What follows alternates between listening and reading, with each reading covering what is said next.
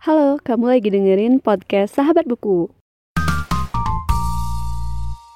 Halo semuanya dan selamat datang kembali di podcast Sahabat Buku. Bagi kamu yang baru pertama kali mendengarkan podcast ini, podcast Sahabat Buku adalah sebuah podcast yang membahas review buku dan pengalamanku saat membaca buku. Ini adalah episode ke-27 dari challenge 30 hari buat podcast dan tema yang akan dibahas adalah kumpulan cerita pendek yang menarik. Jadi di sini aku sudah merangkum 5 buku kumpulan cerpen yang cocok untuk kamu baca dan mungkin masing-masing buku ini juga menurutku memberikan insight yang menarik dan cocok untuk kamu baca di waktu luang. Jadi kita langsung aja ke listnya. Yang pertama ada Saksi Mata karya Seno Gumira Aji Dharma. Yang kedua Mandi Api karya Gede Arianta Sutama. Yang ketiga ada Cara-Cara di Toilet karya Eka Kurniawan. Yang keempat ada Sihir Perempuan karya Intan Paramadita. Dan yang terakhir ada Malam Terakhir karya Lela S. Hudori. Buku-buku ini memberikan cerita-cerita yang menarik untuk diikuti dan masing-masing dari buku ini juga memberikan apa ya istilahnya bisa dibilang kayak hal-hal yang bisa kita pelajarin juga hal-hal yang baru juga apalagi buat aku yang mungkin uh, su lebih suka gitu baca buku kumpulan cerita pendek dibanding buku-buku lain gitu. Jadi selain nambah pengetahuan juga bisa menghibur gitu waktu kita punya waktu luang. Jadi sekian dulu untuk episode kali ini. Terima kasih telah mendengarkan dan sampai jumpa di episode selanjutnya